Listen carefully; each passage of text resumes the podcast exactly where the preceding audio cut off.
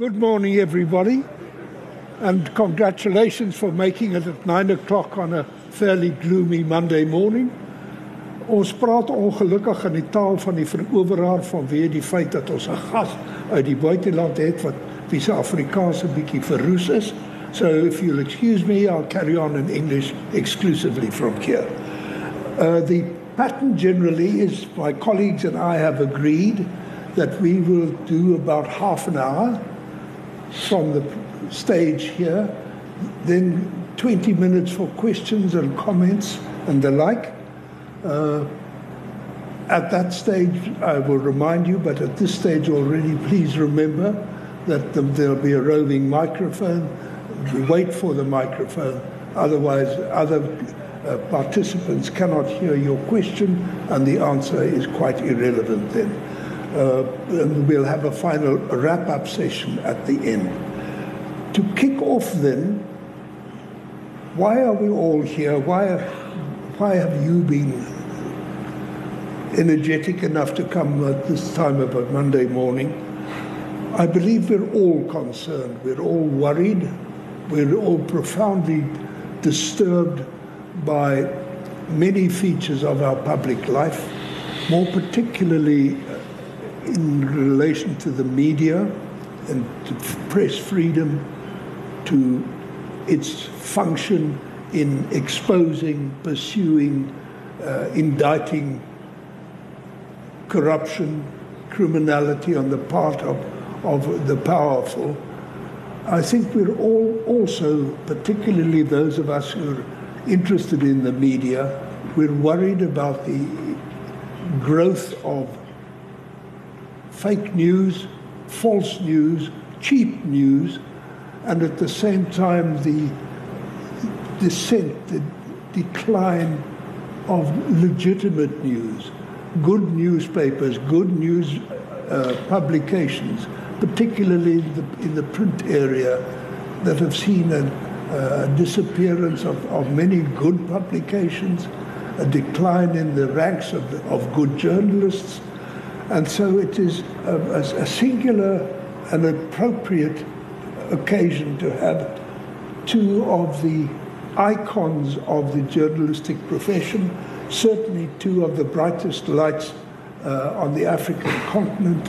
Uh, Adrian, I think we all know, it needs very little introduction. Uh, I will ask him in a moment to do a little bit of a self introduction, but at this stage we know him as a as a, a, a fearless persecutor of evil, uh, an investigative journalist who uh, has followed the trails from way back with Bosasa 10, 15 years ago. uh, ultimately, the prize is there. Bosasa has been exposed for the evil plot that it was. Uh, Jackie Selebi, Zuma, uh, I know three books you've written, Adriaan. Are there more than that? Judge, they no, that's correct. Yeah. Okay. Yeah.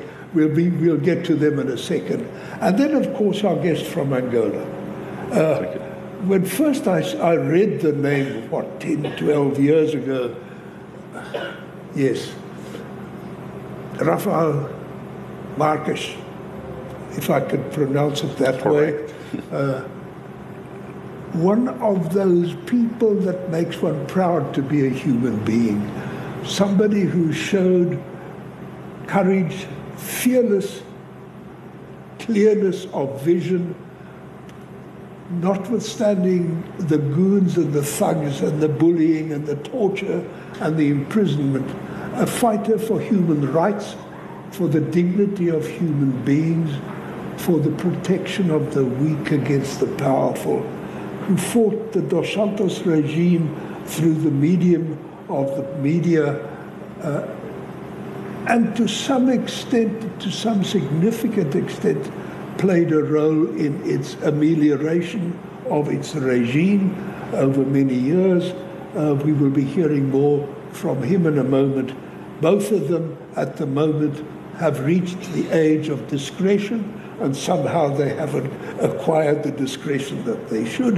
They're still fighters for freedom, they're still fighters for the truth They're still fighters for the protection of the little guy, the protection of the rule of law, the protection of human rights. Let me start off then after that peroration with uh, a question first to you, uh, Rafael. What's a nice guy like you doing in, in, in a joint like this? What, what bugs you? What, why can't you go home and, and sit on the veranda and have a beer? What bites you? What drives you? Actually, and what got you in it in the first place?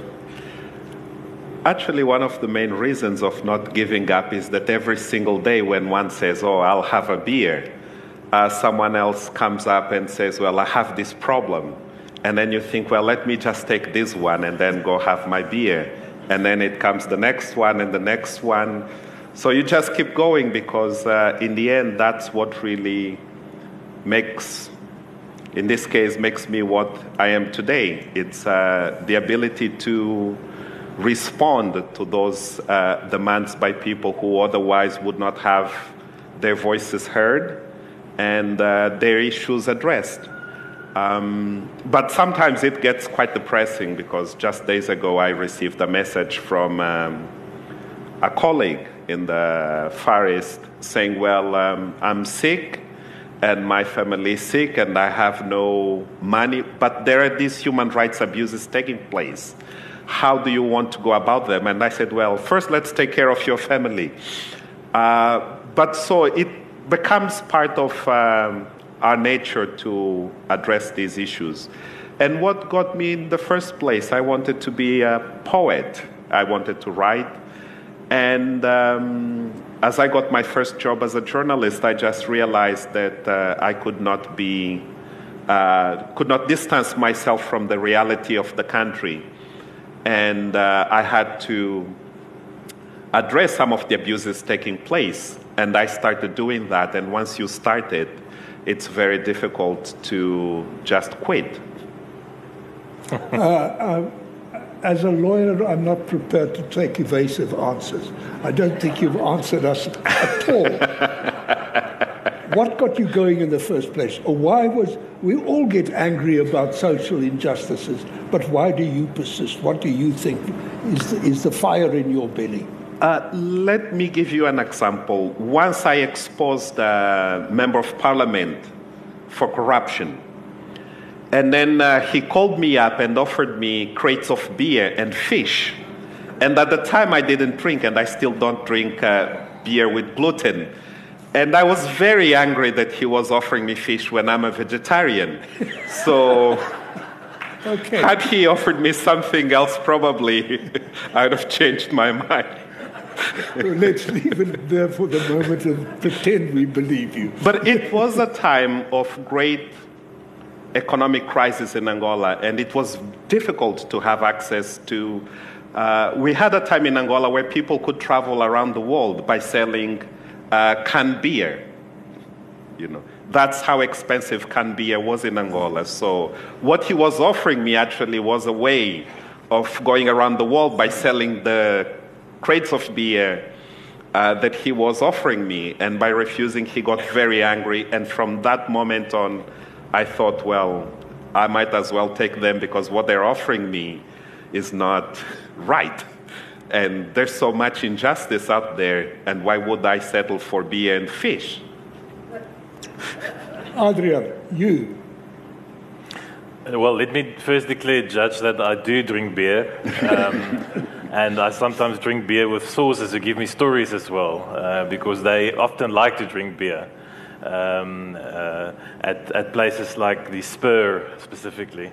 Um, so I don't know. This is a very difficult question. I'm still trying to figure out why why I ended up in this profession, and it's one of the hardest questions. You know, sometimes when people get asked why did you become a lawyer or a doctor, they have some beautiful story about their father was a doctor. Or, know, for me, there was never a choice. I cannot believe. I cannot think of a time in my life, even as a child, where I wasn't extremely curious wanted to find out what exactly was happening, whether it was in our own household as a family, whether it was at our school when teachers were doing funny things, or then uh, later on in my life, Bosasa and Jacob Zuma. So uh, I have an insatiable uh, appetite to find out what really happened.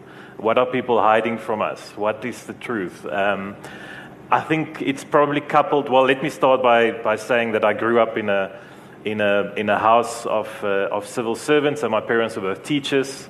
Uh, my one grandfather was a policeman, and the other one was a dominee, a priest.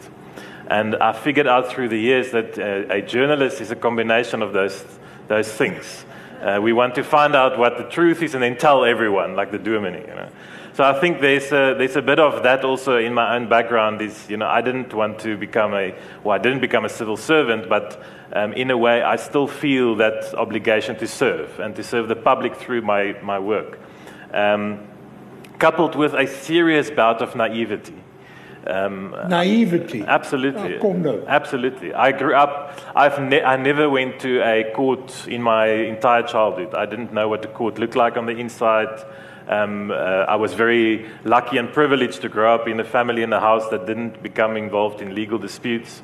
So I, when I, the first time I went to a courthouse, I was at the age of 19 as a student, where I forced myself, and I was so curious I couldn't stop myself from actually going to the Cape Town High Court one day um, and was just completely fascinated and shocked by this world of crime, this world of people who got gets in conflict with the crime, with the law. Um, and then starting out as a crime reporter at Beeld newspaper in Johannesburg, following the police and, and just getting into this world of policemen and prosecutors who live and breathe justice. The bug uh, bit me. Um, sitting through the Schabir Shaik trial, seeing how a corrupt politician and a corrupt businessman can deprive an entire province of resources and ultimately to the de- detriment of the poor. That got the fire going in my belly. But it, it definitely, I'm still shocked every time I find out these things. I, am not at the point where I, I'm ready to say, oh, well, everyone is just corrupt, everything is just uh, bad, and we must just make peace with it. And I think that's what part of what keeps me going is I have very high expectations of the human race and of, of people in general, and I'm often disappointed. I think what neither of you has said, I can say on behalf of the three of us, that it's fun.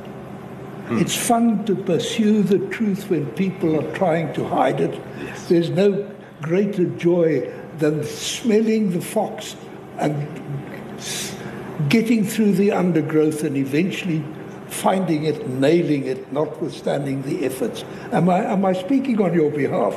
Do you enjoy uh, it? Absolutely. Um, recently, I went to interview a very corrupt and senior official who, for the first time, accepted to speak to me. And uh, I found him shaking and this gentleman had really persecuted me and prosecuted me for years. And I just thought, how fun it is now that he's shaking. and um, you know, but the point is also to see how what we do has an impact on people's lives. And uh, I grew up the war, and that was one of the reasons why I said, well, I have to do also my part uh, in it to have a better society because I knew how war was being used for illicit, illicit enrichment for many, and how the youth was paying a huge price by being thrown into a war. No one understood why it kept going and how resources were used in that. So that's why one of my focus was on diamonds because how it fueled conflict.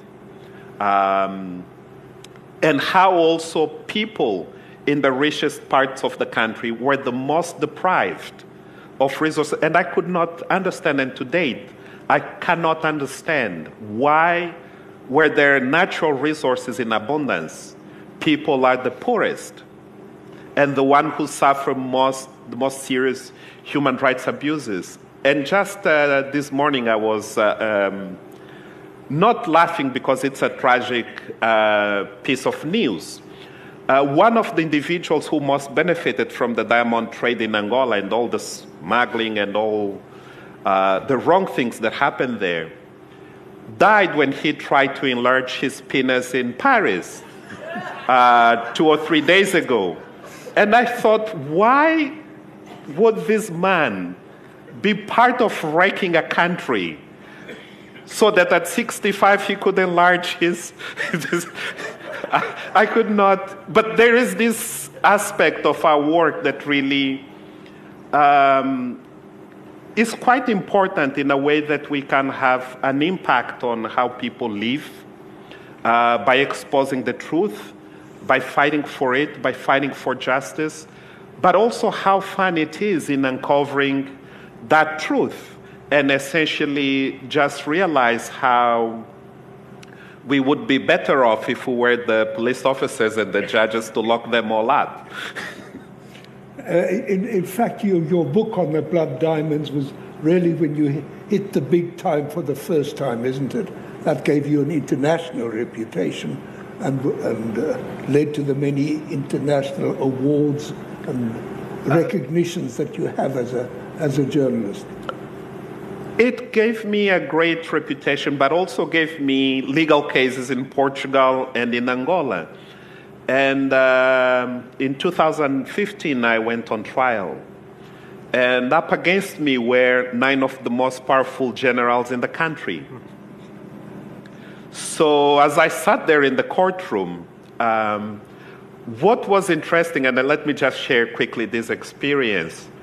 Uh, and there was this massive security around the courthouse. And my sister went to see the trial, and then I saw the police officer in charge of the security, the courthouse, running away when he saw my sister. And I said, Why is he running away from my sister? He's supposed to check the situation. His son was the one taking my sister to the courthouse. And he was running from the son, not from my sister. And then as I walked into the courtroom, um, the security, the police officers, they were asking me for copies of the book. and so there was a trade going on, a sort of black market, you know, uh, going on in the courtroom with the copies of the books I had taken. And then as one general passed the, um, entered the room, uh, his bodyguard said, you know, well done, these guys deserve it, you know, go after them. I said, but I'm the one on trial. so at that moment, I just thought, this is really sweet because uh, I could not think that there were nine generals there out there against me. And uh, days before, they had approached me to negotiate, to engage in a dialogue. And I went by myself. And one of them said, Well, we're generals. Why are you here alone? I said, Well, because I wrote the book by myself. So that's the whole thing. Who should I bring? Uh, but the end of the story is that some of them are my friends now. And we go around and we try to address issues uh, together rather than uh, fighting against one another.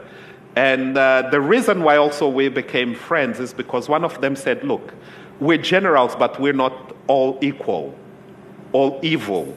And you know among us who the evil ones are. So let us just settle the case and then work towards uh, our common goal, which is to fix the country. And I yielded to that advice, and um, I got convicted anyway, but not for what took me to trial. Uh, the judge convicted me of something else that was not on the books. Uh, but then I was let go, and uh, later the president passed an amnesty so that the case would die with an amnesty. But that's basically the story. You weren't alone, were you? No. You had truth and justice on your side. Absolutely. And the moment I saw the reaction of the police officers, the people in the courthouse, and everyone, I just, I said, you know, I've done the right thing. And uh, if I have to go back, to come back to this court, uh, I'll be very happy. And I was back at the court the following um, my trial, this, the other trial, the last one just ended um, June last year. And for the first time, I was acquitted. But then the judge said clearly, I never want to see you again in this courthouse. And you You're too much of a trouble. And you agreed with him. I agreed, uh, but I don't think I will stay away for that long. Long be that so. Adriaan, Bosasa, when did you first smell the, the rat there? And what do you feel today? I'm absolutely astonished that, uh, Judge, 13 years after I received my first tip off, everybody now knows the name. It took 13 years. Um, they say the wheels of justice turn very slow and grind, or, or the, you know, grinds very fine. And I've seen this in practice. I couldn't believe it took so long. So it was 2006. I was working at Beeld, the Afrikaans newspaper in Johannesburg. And my colleague Carien du Plessis was in Parliament. She was covering the Correctional Services Portfolio Committee. Uh, and she picked up from some, some of the parliamentarians, like Dennis Bloem, who also gave evidence to the Zondo Commission, that there was this one company coming through getting all the tenders. And in a way, privatizing the prison's uh, functions, functions that prisoners and prison officials used to perform previously, like cooking food and etc., uh, providing security. Uh, and this company was called Bosasa. I had no idea who Bosasa was. I had no idea who the Watson brothers were. And uh, that's where my journey started, starting in a, in a very basic way of doing company searches, finding out who this company was, uh, making links, links with the then Commissioner of Correctional Services. Was that Mti? Linda Mti, yes. Um, and, and making these very interesting connections between uh, struggle politics and then post apartheid business. Uh, which is which is fascinating. Again, now with what's coming out in the Zondo Commission, you can see this this schism um, and this massive conflict and even disillusionment that's um, infiltrated the ANC now, and, and it's kind of led to this kind of two ANCs we see today of people saying we have to clean up, but in a way we have to clean up ourselves. So it's it's this, this massive conflict that lies ahead. Um, but yes, so the Bosasa story over years and, and uh, started speaking to prison warders, started speaking to, to business people, people inside the company. I mean, what made Bosasa so unique was they also had this religious cult, um, which I'm going to write about in my book, um, uh, you know, on, on this topic. Uh, this, it, was, it was run like a cult. Like they literally had to be there at 6 a.m. in the morning uh, to pray with Gavin Watson, the CEO um, and had to confess their sins, read from the Bible, uh, and then literally they would, they would leave that room to go and cook the tenders in the room next door. Uh, so this this uh, amazing ability also of humans, and that, I guess that's the fun part you spoke about, just to see this stuff and hear these stories and ask someone, but how did you do this? How did you bring these two things in your mind? You know, how do you pretend to be a Christian and a religious person and then go and commit corruption, which must surely be against your religion.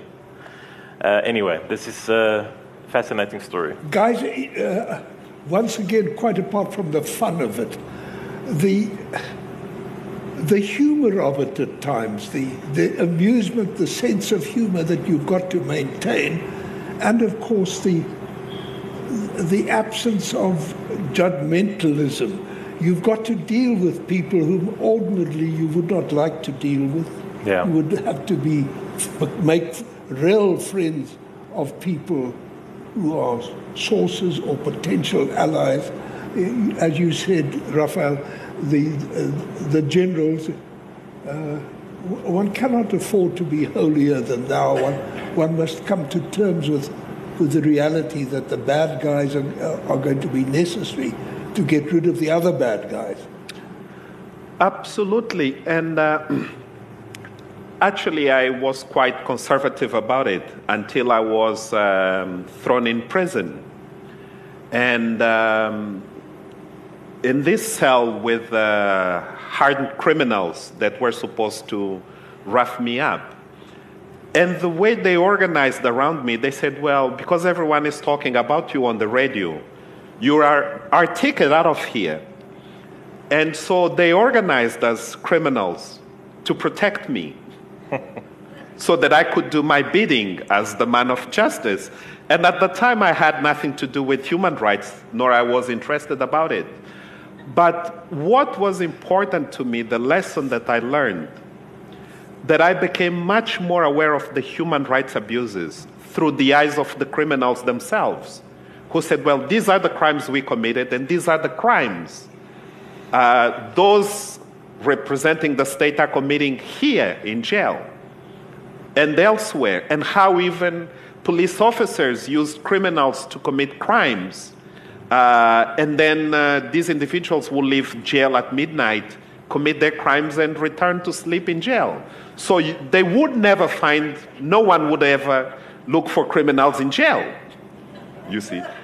Uh, so you learn quite a lot, but also about human interactions. And when I left prison, uh, some of them were actually released and some reformed. And one also offered me a pig uh, which was quite. I have this thing of uh, getting animals uh, for offers. For a vegetarian, a pig, I suppose. I've never been offered a cow or anything. Y- yeah, no, a goat. Now I have a pet goat that was given to me during Christmas um, from someone I also helped. Um, but I kept the God still there at my house. But the, the important thing is that we really cannot be judgmental and we have to deal with people as they come along.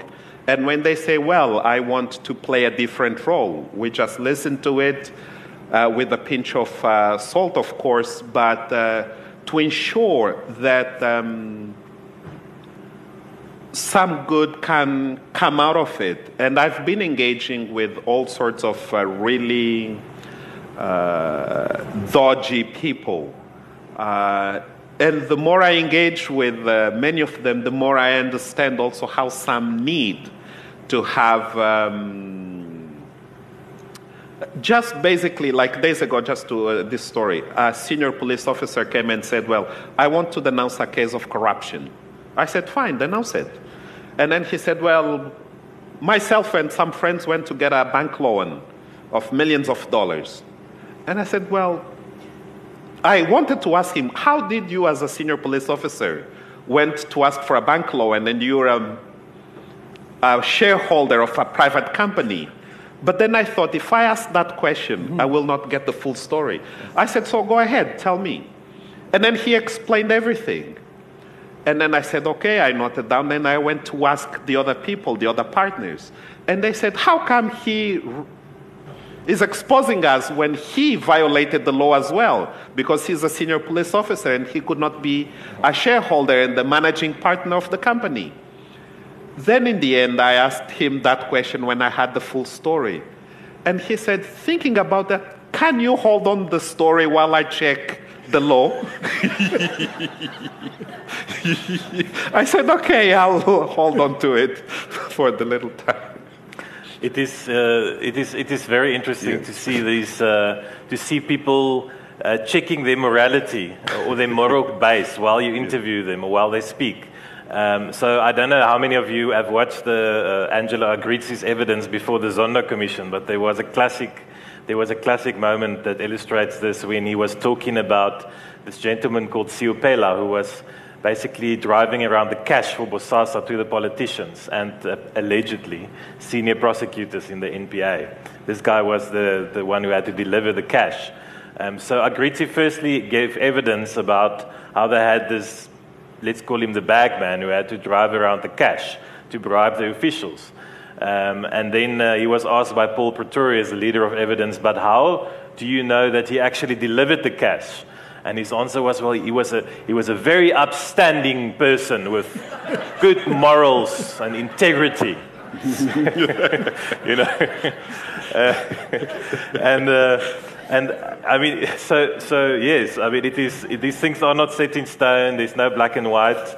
Um, I also found it very difficult. I found it very hard, especially when I was younger, to, to sit with the so called bad guys um, because you want to, it's easy to deal with the prosecutors and the whistleblowers um, who are doing it for the right reasons. But sometimes whistleblowers are also the bad guys because they want to expose someone who they think are badder than them.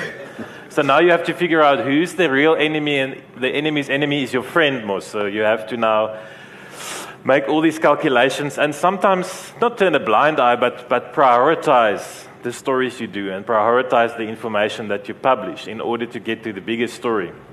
Um, Jackie Selebi being a case in point, he was a police commissioner, and till this day, there are people, senior people in the in the state and, and civil service and politicians who believe that uh, Agliotti, the, the, the, the capo or the head of the mafia, should have actually gone to prison, not Jackie Selebi. And it, it's an interesting almost moral discussion because you need the one to take the other one down. The, the state probably, probably couldn't have convicted Selebi without Agliotti as a state witness. So then you had to make this, Gerrie Nel and his Yeah. team had to make this trade off who is the biggest, who's the baddest, who's the biggest danger to society. On that one, I agreed with the state. I do think a, a corrupt police chief is probably as, as, as bad as it got. Well, until we had a corrupt president. But I mean, a corrupt police chief is pretty bad. You know, there's, there's like the guy who must police crime is a criminal. I mean, that's, that's pretty kind of hardcore bad, you know. And, um, and he was also the head of Interpol, of course, um, at the time. Yes.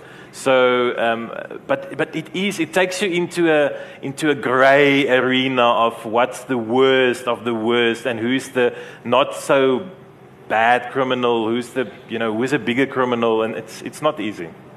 You know, uh, the, uh, our, our topic, our overarching topic is, is in investigative journalism the, and human rights and the rule of law, the freedom of the, of the media and its importance to, in the protection of, of our individual rights. Uh, it's a long road, isn't it?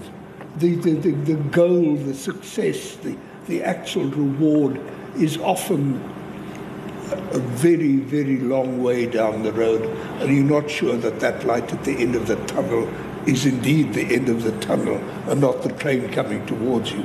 Uh, why the persistence? How does one do that? You've, you've got to keep going.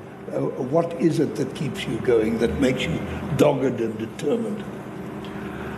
I think it's that very idea of justice at the end of the road.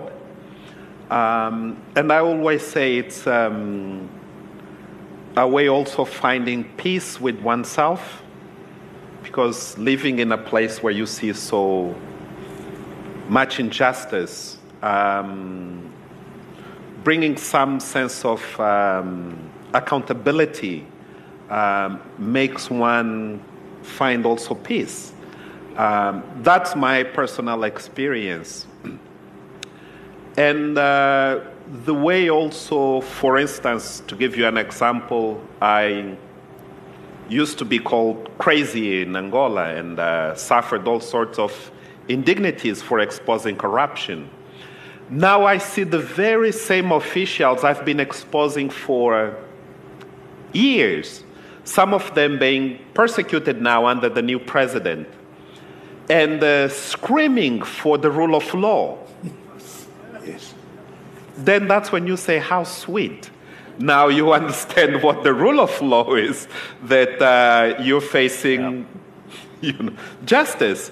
So, and also it's that element being an African.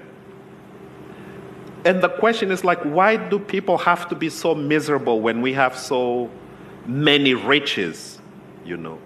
Um, see children that do not go to school because there are no schools, there is no food. Um, you look at Luanda, the contrasts between the high rises and um, the places with no basic sanitation. And then you say, where do all this money go to? Uh, I'm just actually, I spent before coming here and I almost missed uh, the time.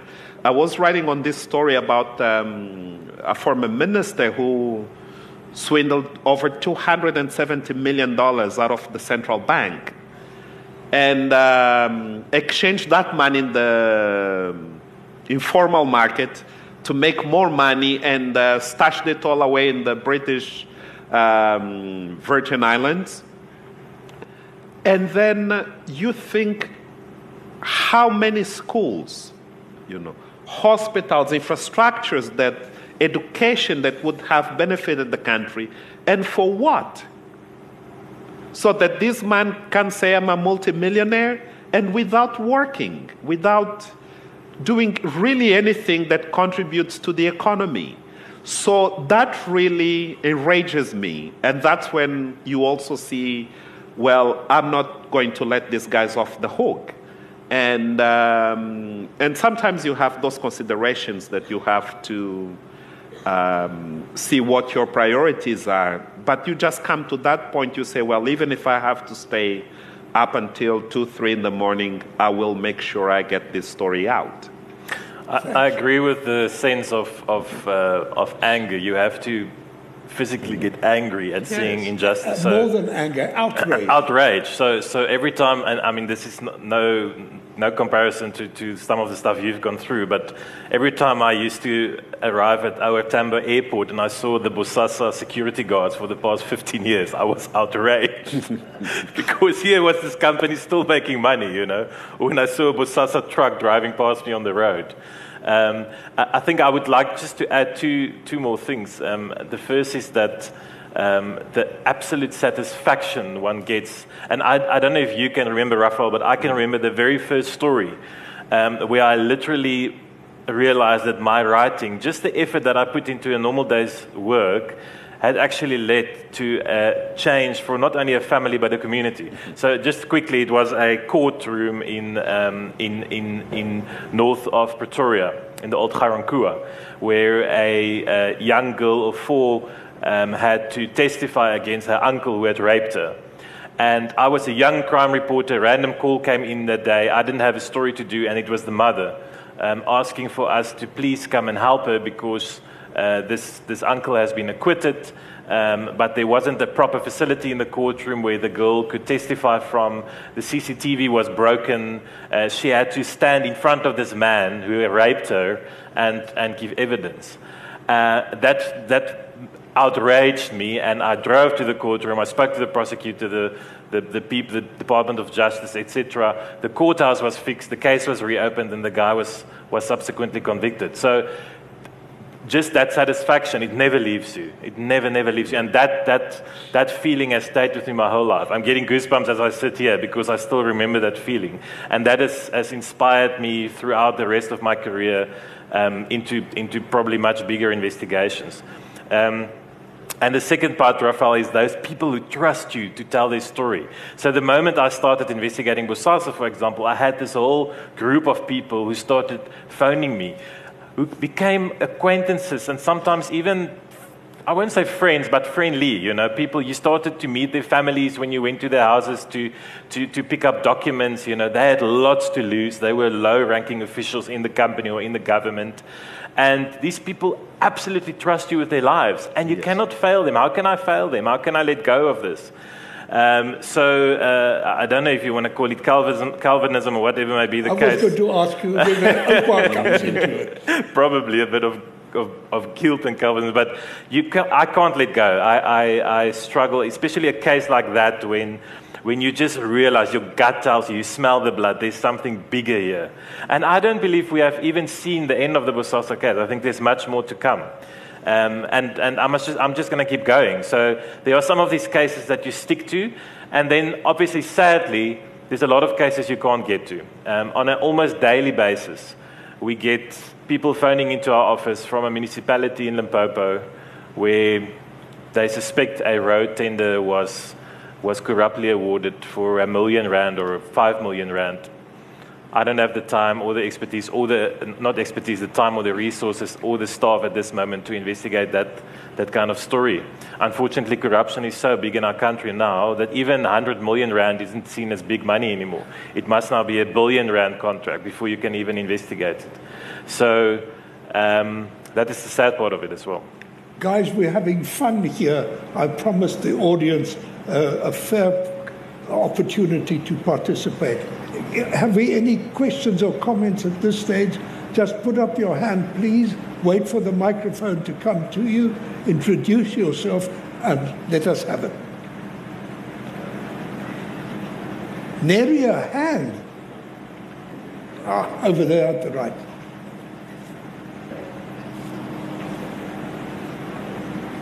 Okay, dankie. Ek hoop julle kan my hoor. I'd like to ask Rafael about uh, a, a, notorious lady, I think, called Isabel dos Santos and Sonangol, something like that. What's happened to her and what is she doing? Good. Uh, Isabel dos Santos is the daughter of the former president dos Santos, who ruled Angola for 38 years. and she's Africa's richest woman. So it's no hard guess how she became the richest woman in Africa. And in 2016, her father appointed her to head Angola's national oil company, Sonangol. Um, and then the new president who succeeded her father uh, from the same party um, dismissed her from running the company. Now there is a legal case against her, and she has not um, responded to two of the prosecutor's um, notices because uh, after she was dismissed, she transferred over $38 million from the National Oil Company to her own private companies. After the dismissal, so she still acted as if she was the CEO and took the money away from the company, and she has to answer for that. Uh, what is interesting about Isabel dos Santos is that she knows how to speak to the international media, and there is a certain glamour about her, and she mingles with Hollywood, and um, people really give her an easy pass.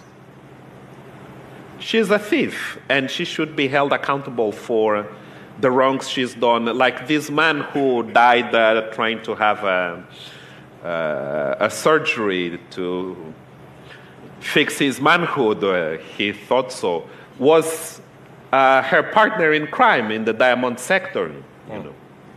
And the violence, the unspeakable violence in the diamond areas against informal miners, so that these people could live well and uh, beyond their means, to me is just um, unacceptable. And each time she speaks to the international media and um, tries to put on this face on how she was a hard worker, I just feel like puking. Uh, she really needs to be held to account. Uh, that's basically what's happening. Right at the back.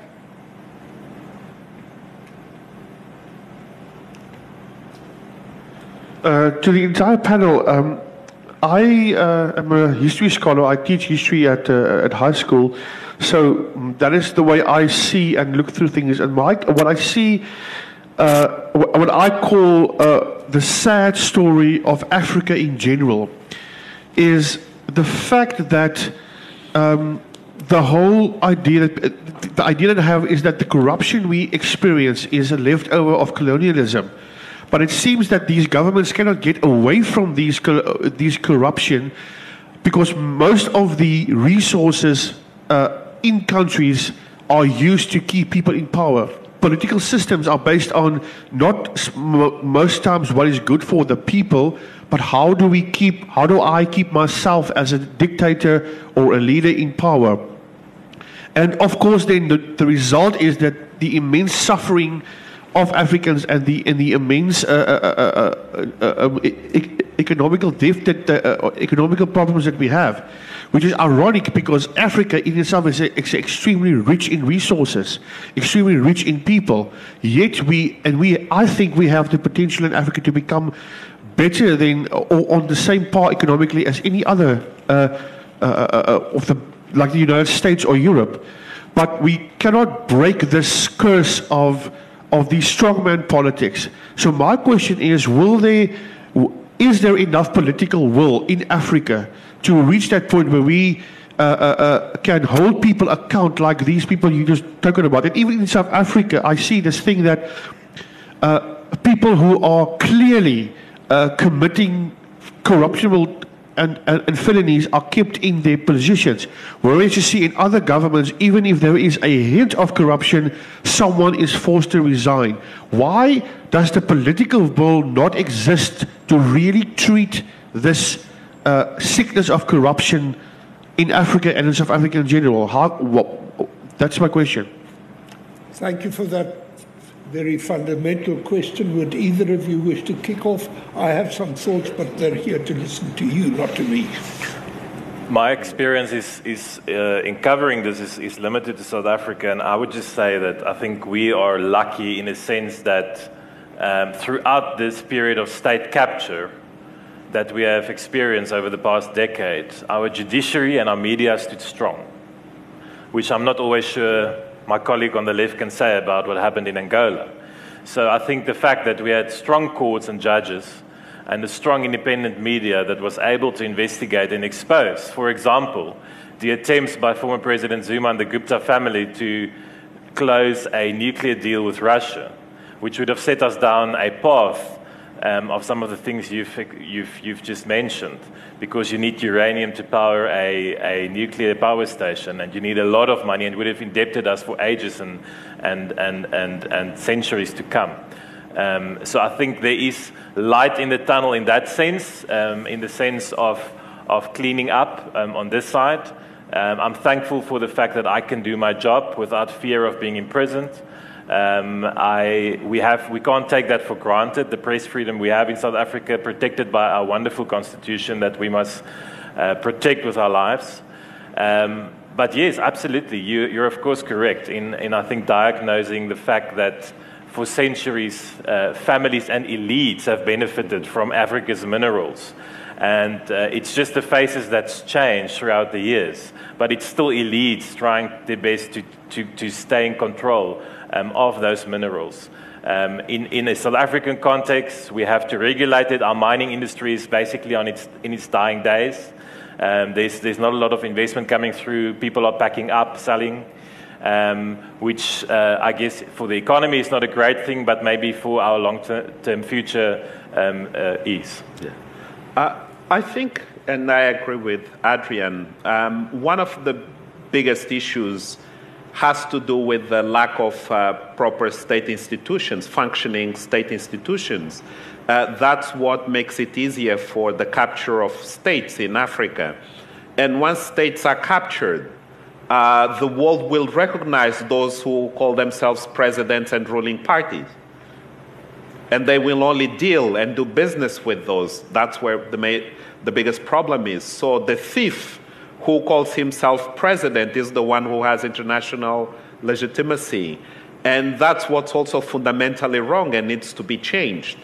Um, but what is most important to me is that for the number of bad guys that are out there uh, ruling these countries, there has to be an equal or even a greater number of good guys challenging them, um, no matter the cost. And uh, in many countries, you find um, people doing that, and many getting killed, and many getting harassed because there are no institutions to uh, protect them. But it's a struggle that we need to really face head on if we are to ensure that countries like Angola have a fresh start. And um, the whole idea that corruption is something we've inherited from colonialism, uh, to me, doesn't sound right because uh, there are many things we have inherited as well, which are good things that we have not been uh, focusing on. Like the few, uh, to give an example, in Angola, when uh, the Portuguese left, there were many infrastructures in place. And uh, the reason why we had a civil war was because we could not agree as Angolans on who, how we should run the country uh, in an inclusive manner. So and then if someone influenced us to do that, it's still our main fault that we could not um, understand, you know, the basics of doing better for the people because of personal greed. So I think it's important also that in some countries the political structures get revisited, the way elections are held, uh, the political parties are formed, uh, so that um, there is a system in place that will uh, cater for um, building strong institutions rather than strong political parties that take over power and capture the state. Thank you, guys. If I could add to that just a, uh, a few comments. I've worked in many places in the world, and I can assure you that uh, the incidence of corruption is not confined to the African continent. On the contrary, some of the places that I've worked in the Middle and Far East can teach us many, many lessons. in, on our continent.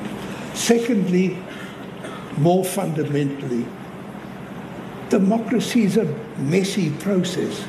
Democracy is not neat and tidy and clean. It happens to be the only act in town. It's the only form of control, management of a state that actually lasts. But it is messy because it's run by human beings, and human beings, notwithstanding the fact that we are the reasoning animal, are also the stealing animal. It's inherent in human nature. Constitutions such as ours are designed to, to counter that as best we can. Uh, I watch you, you watch me, I'm a judge, I watch the politician, the politician watches the civil servant, the civil servant watches the judges, and that's how it's supposed to work.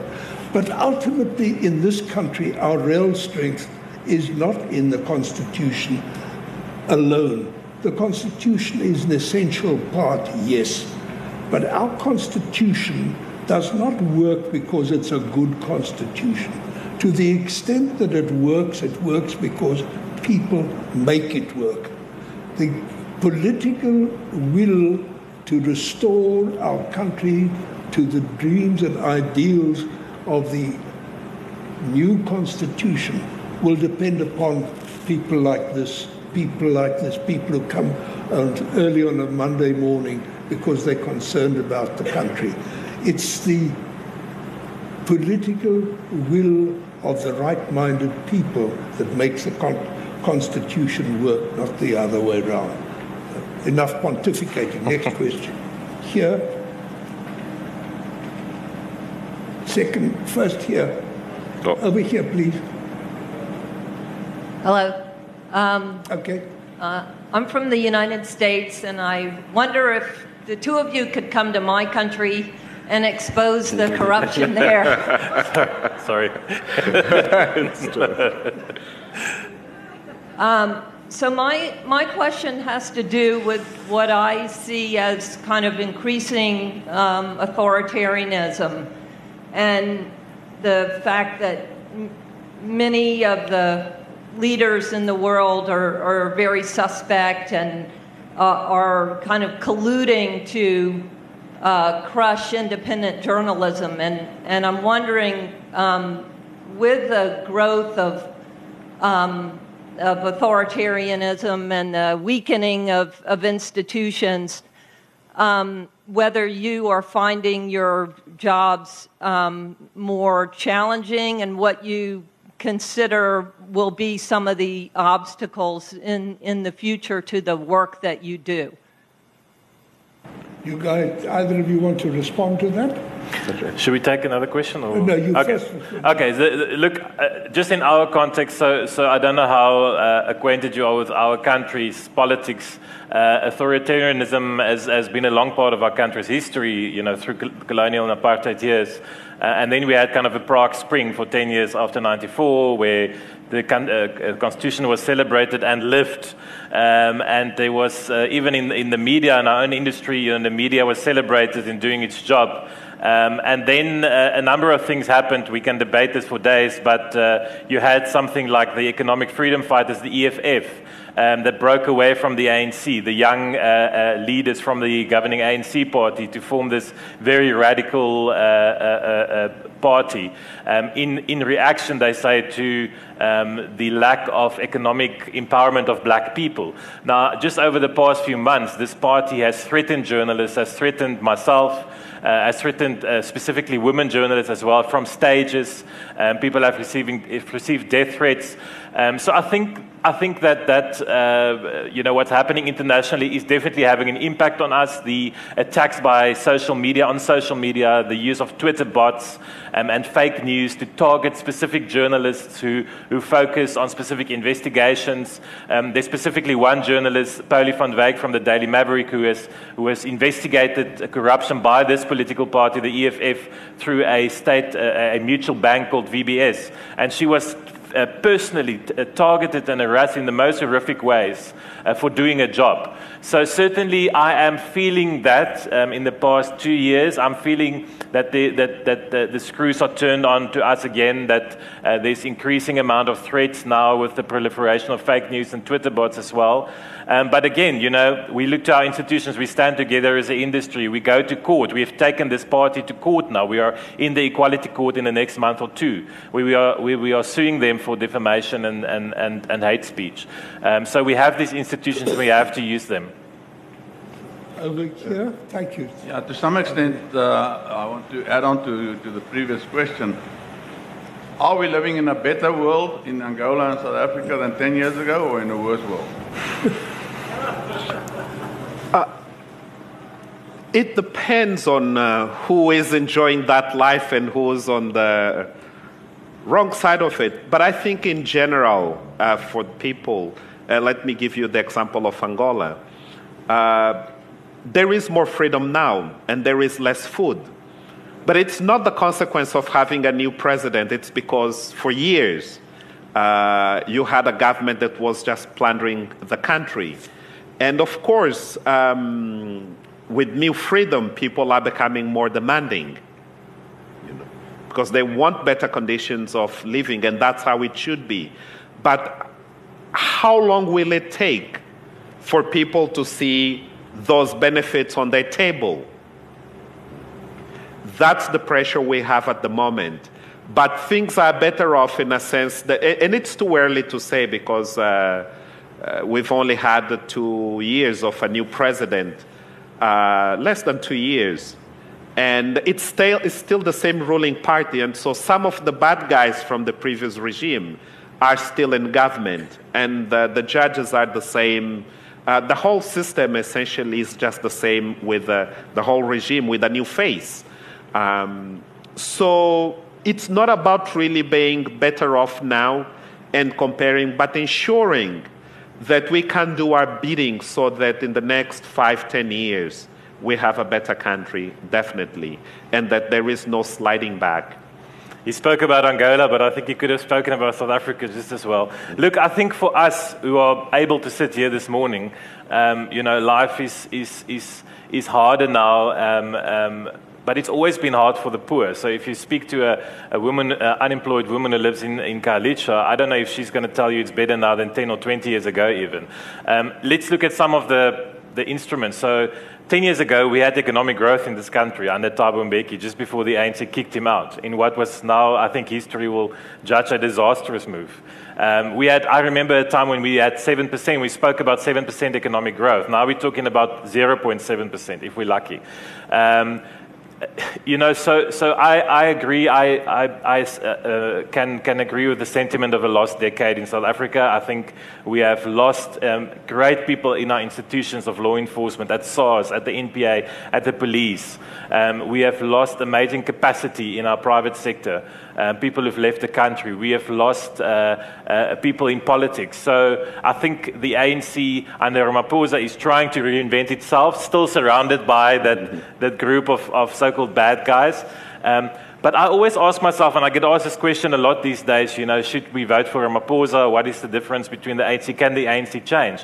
What is the alternative? You know, what is the alternative? Is there an alternative government in the waiting? Is there another party that you really think can step in to be the government tomorrow? And I mean, I think we're going to have to ponder this question before we decide who to vote to on, on the 8th of May.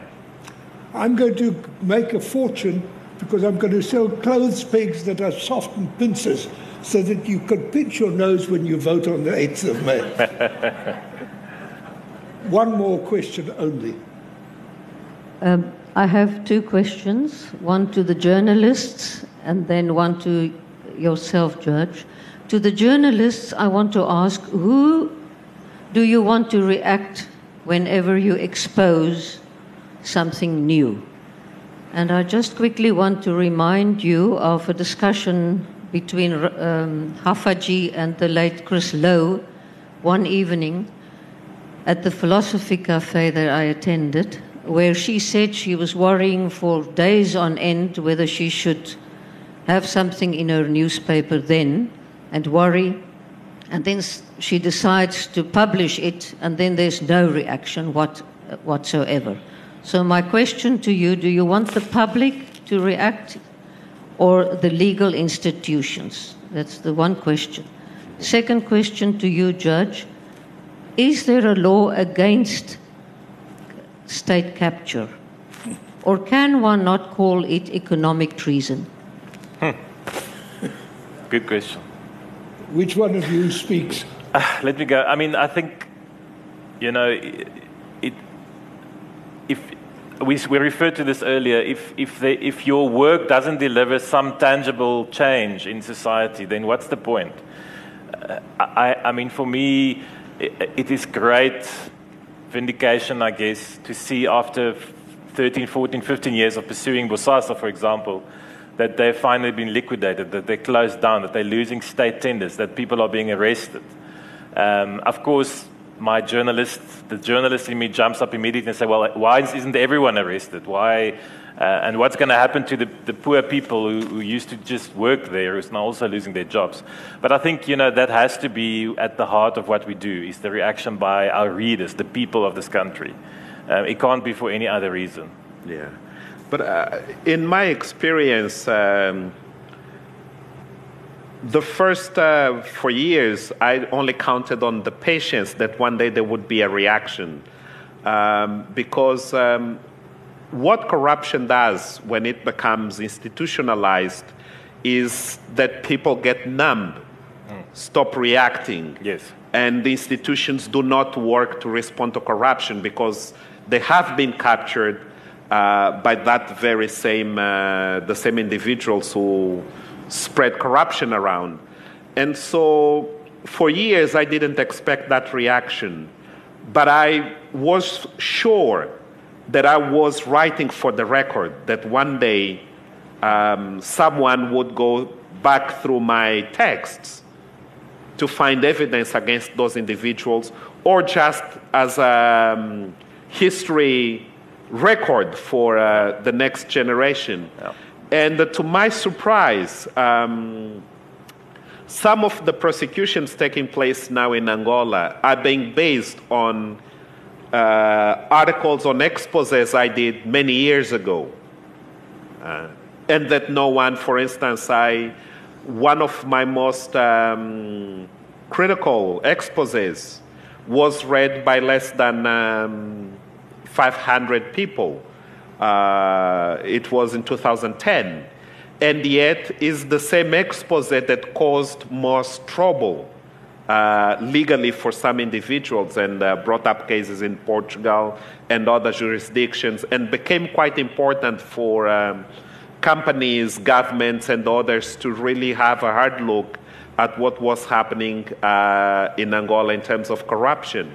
So I think the main expectation is just to do the job right and uh, ensure that someday someone will pick it up and uh, run with it.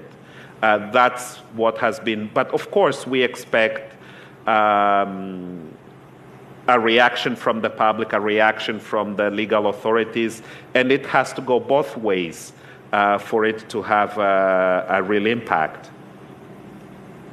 As, as far as the question is concerned, whether there isn't a law against state capture, there are multiple laws against state capture, both in the ordinary private sector criminal justice system, against theft, against corruption, against defeating the ends of justice. There are, at the same time, at the constitutional level, prohibitions against the abuse of power. The Constitution is perfectly clear on the duties and the obligations of each of the wielders of public power. But it's not in laws that we will be kept honest. It's in the minds and the hearts of people. So that you cannot come to a commission of inquiry 15 years later and say how shocked you were 15 years ago when you heard that there was state capture to the extent that a private company knew who was going to be the next minister before the minister himself had been told by the president. It's the oath of office of honest people that would prevent state capture. It's the doing of your duty by the policeman on the beat and the teacher in the classroom and the judge on the bench and the politician in parliament and the president in the union buildings that will prevent state capture. Thank you. Closing thought from each one of you in turn. I'm not going to say anything after that. Thank you, Judge. I'm not going to say anything. Thank you very much for. Thank you.